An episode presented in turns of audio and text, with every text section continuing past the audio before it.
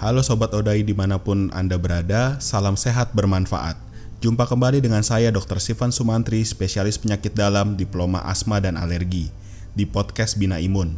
Saya adalah seorang penyintas autoimun ankylosing spondylitis, seorang dokter spesialis penyakit dalam di Siloam Karawaci, dan dosen di Universitas Pelita Harapan. Sobat Odai, dalam podcast Bina Imun ini kita akan membahas segala sesuatu mengenai sistem imun, mulai dari kondisi autoimun, alergi, imunodefisiensi, sampai pengaturan gaya hidup dan perkembangan terkini di bidang imunologi. Mari kita berjalan dan belajar bersama untuk mencapai kesehatan optimal bersama dengan kondisi autoimunitas atau imunitas lainnya yang kita alami ya. Jangan lupa kirimkan email berisi pertanyaan, komentar, dan saran ke binaimun@gmail.com follow akun Instagram di alergi.imunologi, dan kunjungi website kami di www.alergi-imunologi.com untuk belajar lebih jauh mengenai topik-topik terkait sistem imun kita. Salam sehat bermanfaat dan selamat menikmati episode kali ini.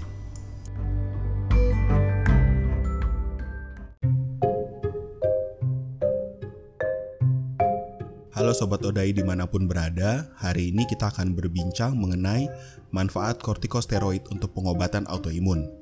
Apa sih kortikosteroid itu? Kortikosteroid adalah obat buatan mirip dengan kortisol. Kortisol adalah hormon yang diproduksi oleh kelenjar adrenal secara alami.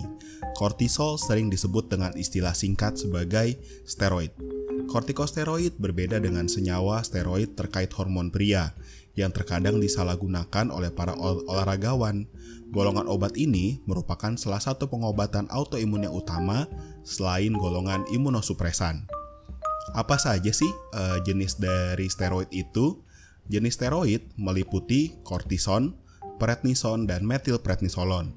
Prednison dan metilprednisolon adalah jenis steroid yang paling umum digunakan untuk mengobati penyakit rheumatologis tertentu.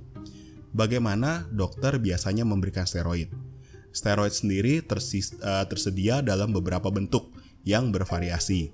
Dapat diberikan secara lokal ke tempat tepat di mana ada masalah melalui suntikan atau secara sistemik yang berarti seluruh sistem atau badan. Contoh pengobatan steroid lokal termasuk injeksi sendi, tetes mata, tetes telinga, dan krim kulit. Sedangkan perawatan steroid sistemik meliputi obat-obatan oral atau diberikan lewat mulut atau obat-obatan yang dikirim langsung ke pembuluh darah secara intravena atau IV atau otot uh, secara intramuskular. Steroid sistemik beredar melalui aliran darah ke berbagai tempat di tubuh kita. Bila memungkinkan, perawatan steroid lokal lebih disukai dibandingkan steroid sistemik untuk mengurangi risiko efek samping. Nah, sobat-sobat Odai tentu pasti penasaran bagaimana cara kerja dari steroid. Steroid bekerja dengan mengurangi proses inflamasi dan aktivitas sistem kekebalan tubuh. Inflamasi sendiri adalah proses di mana sel darah putih dan sistem pertahanan humoral melindungi terhadap infeksi dan zat asing seperti bakteri atau virus. Pada penyakit tertentu, sistem pertahanan tubuh atau sistem imun tidak berfungsi dengan baik. Contohnya seperti pada kondisi autoimunitas atau dengan alergi. Hal ini dapat menyebabkan inflamasi bereaksi melawan jaringan tubuh dan menyebabkan terjadinya kerusakan. Tanda-tanda inflamasi meliputi kemerahan, kehangatan, pembengkakan, dan nyeri. Steroid mengurangi produksi sitokin-stokin yang menyebabkan inflamasi. Ini juga membantu menjaga kerusakan jaringan serendah mungkin. Steroid juga mengurangi aktivitas sistem kekebalan tubuh dengan cara mempengaruhi cara kerja dari sel darah putih. Nah, pertanyaannya, kapan sih steroid itu diberikan? Steroid digunakan untuk mengobati banyak kondisi di mana sistem pertahanan tubuh tidak berfungsi dengan baik dan menyebabkan kerusakan jaringan. Steroid bisa menjadi terapi utama untuk beberapa penyakit tertentu. Untuk kondisi lain, steroid hanya bisa digunakan secara hati-hati atau bila tindakan lain belum tentu berhasil. Steroid digunakan dalam pengobatan untuk kondisi-kondisi autoimun atau radang rematik tertentu seperti vaskulitis sistemik di mana terjadi pembengkakan pembuluh darah, miositis atau radang otot, rheumatoid arthritis atau radang dari sendi secara kronik, atau lupus eritematosus sistemik, penyakit umum yang disebabkan oleh fungsi kekebalan tubuh yang abnormal. Dan ada beberapa kondisi autoimunitas atau alergi lainnya yang memerlukan uh, penggunaan steroid sebagai salah satu pengobatan yang direkomendasikan. Steroid biasanya e, bermanfaat paling utama adalah pada saat inflamasi mengancam terjadinya kerusakan organ, terutama organ-organ tubuh yang kritis seperti ginjal, sistem saluran e, cerna, sistem saraf pusat, dan e, beberapa organ vital lainnya. E, steroid e, juga e, berguna dalam kondisi-kondisi yang mengancam nyawa Misalnya, steroid dapat mencegah terjadinya pembengkakan ginjal yang memburuk, dapat yang dapat menyebabkan terjadi gagal ginjal pada orang penderita lupus atau vaskulitis. Bagi pasien-pasien seperti ini, terapi steroid bisa menghambat kebutuhan akan dialisis ginjal atau transplantasi. Steroid dosis rendah mungkin memberikan perbaikan yang signifikan dari rasa sakit dan kekakuan pada orang dengan rheumatoid arthritis. Penggunaan jangka pendek dari dosis steroid yang tinggi dapat membantu seseorang pulih dari radang sendi yang parah. Nah, sobat Odai, sekarang bagaimana sih seorang dokter itu memutuskan steroid adalah pengobatan yang tepat? Keputusan untuk meresepkan steroid selalu dilakukan secara individual. Dokter akan mempertimbangkan usia, aktivitas fisik, dan obat-obatan lain yang Anda pakai. Dokter juga akan memastikan apakah Anda memahami potensi manfaat dan risiko steroid sebelum mulai memakainya sehingga kita harus banyak-banyak bertanya mengenai apakah gunanya dan efek samping yang mungkin timbul. Nah, eh, manfaat potensial dan risiko dari steroid sangat bervariasi, tergantung dari sifat dan tingkat keparahan penyakit yang diobati, adanya atau tidak adanya alternatif pengobatan lain, dan adanya atau tidak adanya masalah medis penting lainnya. Sebagaimana pengobatan lainnya, tentunya uh, walaupun kortikosteroid merupakan pengobatan yang efektif, tentunya bukan tanpa adanya efek samping. Kortikosteroid merupakan salah satu pengobatan yang efek sampingnya cukup banyak, terutama apabila dipakai dalam dosis tinggi dan dalam jangka waktu panjang. Oleh karena itu, kita perlu mengetahui beberapa efek samping dari kortikosteroid yang umum ditemukan, serta cara mengenalinya supaya kita bisa mengantisipasi dan mencegahnya. Berikut adalah 7 efek samping kortikosteroid yang harus diketahui oleh orang dengan autoimun. Yang pertama adalah kortikosteroid dapat menyebabkan peningkatan kadar gula darah. Penggunaan kortikosteroid dapat menyebabkan gluconeogenesis atau pembentukan glukosa baru, baik di perifer maupun di hati. Hal tersebut menyebabkan kadar gula darah menjadi tinggi, sehingga berisiko bila dikonsumsi oleh pasien diabetes, pasien dengan berat badan berlebih, dan wanita hamil yang memiliki anggota keluarga dengan riwayat diabetes. Kadar gula darah merupakan suatu hal yang penting untuk diukur secara berkala saat melakukan kunjungan ulang ke dokter.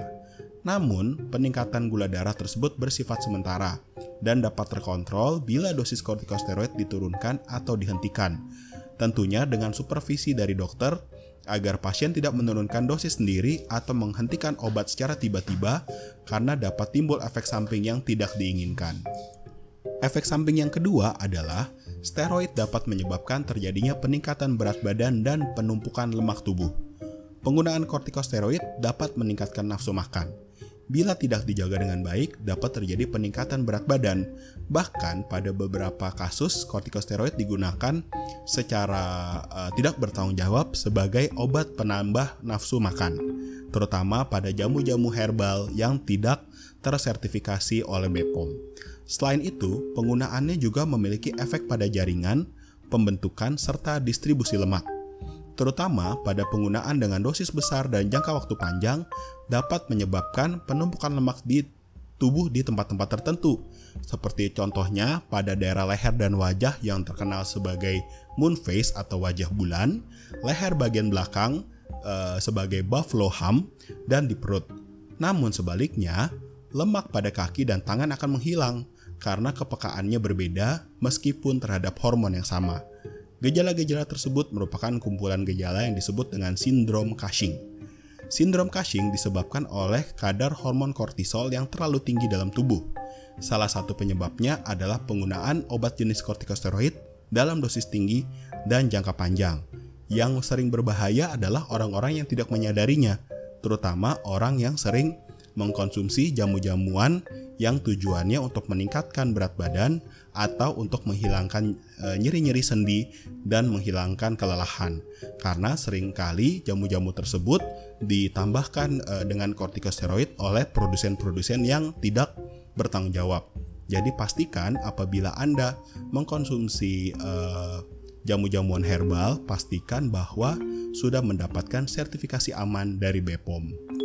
Nah, sobat Odai, yang ketiga, kortikosteroid dapat e, menyebabkan terjadinya peningkatan tekanan darah tinggi atau yang sering kali kita sebut sebagai hipertensi. Kortikosteroid dapat menyebabkan peningkatan tekanan darah melalui efek mineralokortikoid, yaitu dengan meningkatkan e, retensi garam dan air di ginjal, ekspansi volume plasma, dan akhirnya meningkatkan tekanan darah. Meningkatnya kadar natrium sebanding dengan meningkatnya volume darah yang dapat menyebabkan tekanan darah menjadi tinggi. Semakin besar dan lama dosis kortikosteroid yang digunakan, maka semakin besar efek samping yang didapat. Adanya riwayat hipertensi pada keluarga juga perlu diketahui karena dapat meningkatkan risiko seseorang untuk mengalami tekanan darah tinggi. Jangan lupa untuk selalu memeriksakan tekanan darah Anda setiap bulan. Perhatikan, maksimal tekanan darah adalah 140 per 90 mm Hg Apabila tekanan darah Anda di atas ini, segera kontrol ke dokter Anda. Nah, berikutnya Sobat Odai, efek samping uh, kortikosteroid yang sering kali ditakuti adalah terjadinya kerapuhan tulang atau osteoporosis. Setiap hari, sel-sel tulang yang lama akan digantikan dengan sel-sel tulang yang baru. Pembentukan tulang itu sendiri dibantu oleh protein. Namun, kortikosteroid dapat mempercepat kematian sel-sel tulang serta menurunkan sintesis protein sehingga dapat menyebabkan menurunnya kepadatan tulang. Kortikosteroid juga mempengaruhi metabolisme kalsium dengan cara menurunkan penyerapan kalsium pada saluran pencernaan dan membuang kalsium melalui ginjal. Diketahui bahwa masa tulang dapat berkurang 10-20% dalam penggunaan kortikosteroid selama 6 bulan pertama. Selain itu, terdapat pula efek samping kelemahan tulang pad, sorry, kelemahan otot pada penggunaan kortikosteroid yang menyebabkan kelemahan otot dan menjadi salah satu faktor meningkatnya risiko jatuh.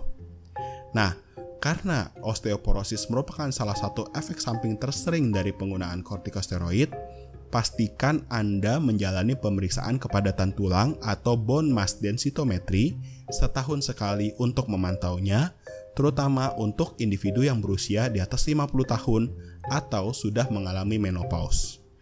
Sobat Odai, efek samping lainnya adalah gangguan pencernaan.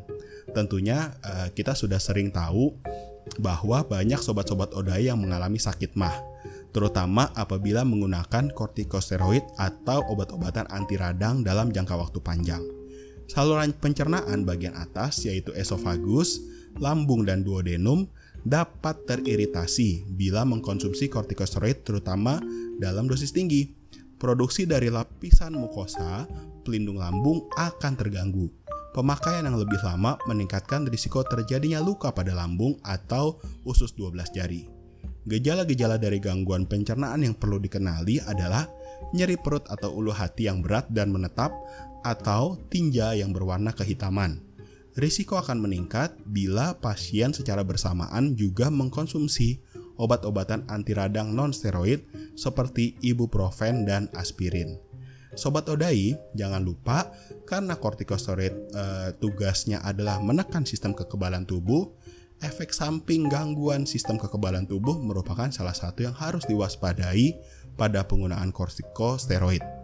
Steroid bekerja dengan cara mengurangi inflamasi dan mengurangi aktivitas sistem tubuh atau kekebalan tubuh. Inflamasi merupakan suatu proses di mana sel-sel darah putih serta zat-zat kimia tubuh memberikan perlindungan dari infeksi dan zat-zat asing seperti bakteri dan virus. Kortikosteroid dapat menyebabkan penurunan sistem kekebalan tubuh dengan cara menurunkan peran sel darah putih sehingga menurunkan proteksi dari sistem imun tubuh kita. Bila sistem kekebalan tubuh seseorang menurun, maka orang tersebut akan rentan terhadap infeksi bakteri, virus, dan jamur. Perlu dikenali beberapa tanda-tanda kemungkinan terjadinya infeksi, seperti demam tinggi, batuk produktif atau terus-menerus, nyeri saat berkemih, lepuhan-lepuhan pada kulit, dan lain sebagainya. Nah, untuk efek samping yang terakhir, Sobat Odai adalah yang kita sebut sebagai gejala putus obat. Pada penggunaan kortikosteroid dengan dosis besar atau penggunaan dalam jangka waktu panjang, seperti pada pasien yang menderita sindrom nefrotik, lupus, artritis reumatoid, dan lain sebagainya, terutama lebih dari dua minggu, tubuh akan mengkompensasi dengan menurunkan produksi kortikosteroid alami tubuh karena ia memperoleh kortikosteroid sintetis dari luar. Penghentian obat secara tiba-tiba akan menyebabkan ketersediaan hormon steroid di tubuh berkurang dan menyebabkan timbulnya efek-efek yang tidak diinginkan. Tubuh akan merasa bahwa dirinya belum siap untuk memproduksi steroid lagi dan dapat mengalami gejala-gejala kekurangan steroid seperti kelemahan umum, rasa pegal-pegal, penurunan nafsu makan, penurunan berat badan, mual, muntah, diare, tekanan darah rendah, kadar gula darah rendah sampai kepada koma dan kematian. Meskipun kortikosteroid memiliki beberapa efek samping yang telah disebutkan di atas, bukan berarti kita tidak boleh mengkonsumsi obat tersebut selama obat tersebut dikonsumsi dengan indikasi yang kuat, disupervisi oleh dokter, rutin melakukan kunjungan ulang sesuai yang dijadwalkan, dan mengenali efek samping serta tanda-tandanya. Selain itu, perlu juga diketahui beberapa cara untuk meminimalisir efek samping dari penggunaan kortikosteroid. Nah, sobat Odai, karena saat ini sudah uh, lumayan panjang rekamannya, uh, saya akan membahas mengenai 9 cara terbaik untuk mencegah efek samping dari penggunaan kortikosteroid pada episode berikutnya. Jadi, ditunggu ya. Dan uh, jangan lupa apabila ada komentar atau pertanyaan, silahkan untuk mengirimkan email ke pinaimun@gmail.com dan jangan lupa juga untuk memfollow akun Twitter di @stephenmd atau Instagram di alergi.imunologi. Sampai jumpa dan uh, silahkan uh, kita berdiskusi lebih lanjut di forum-forum tersebut. Salam sehat bermanfaat dan jangan lupa untuk selalu semangat dalam menjalani kehidupan kita sehari-hari.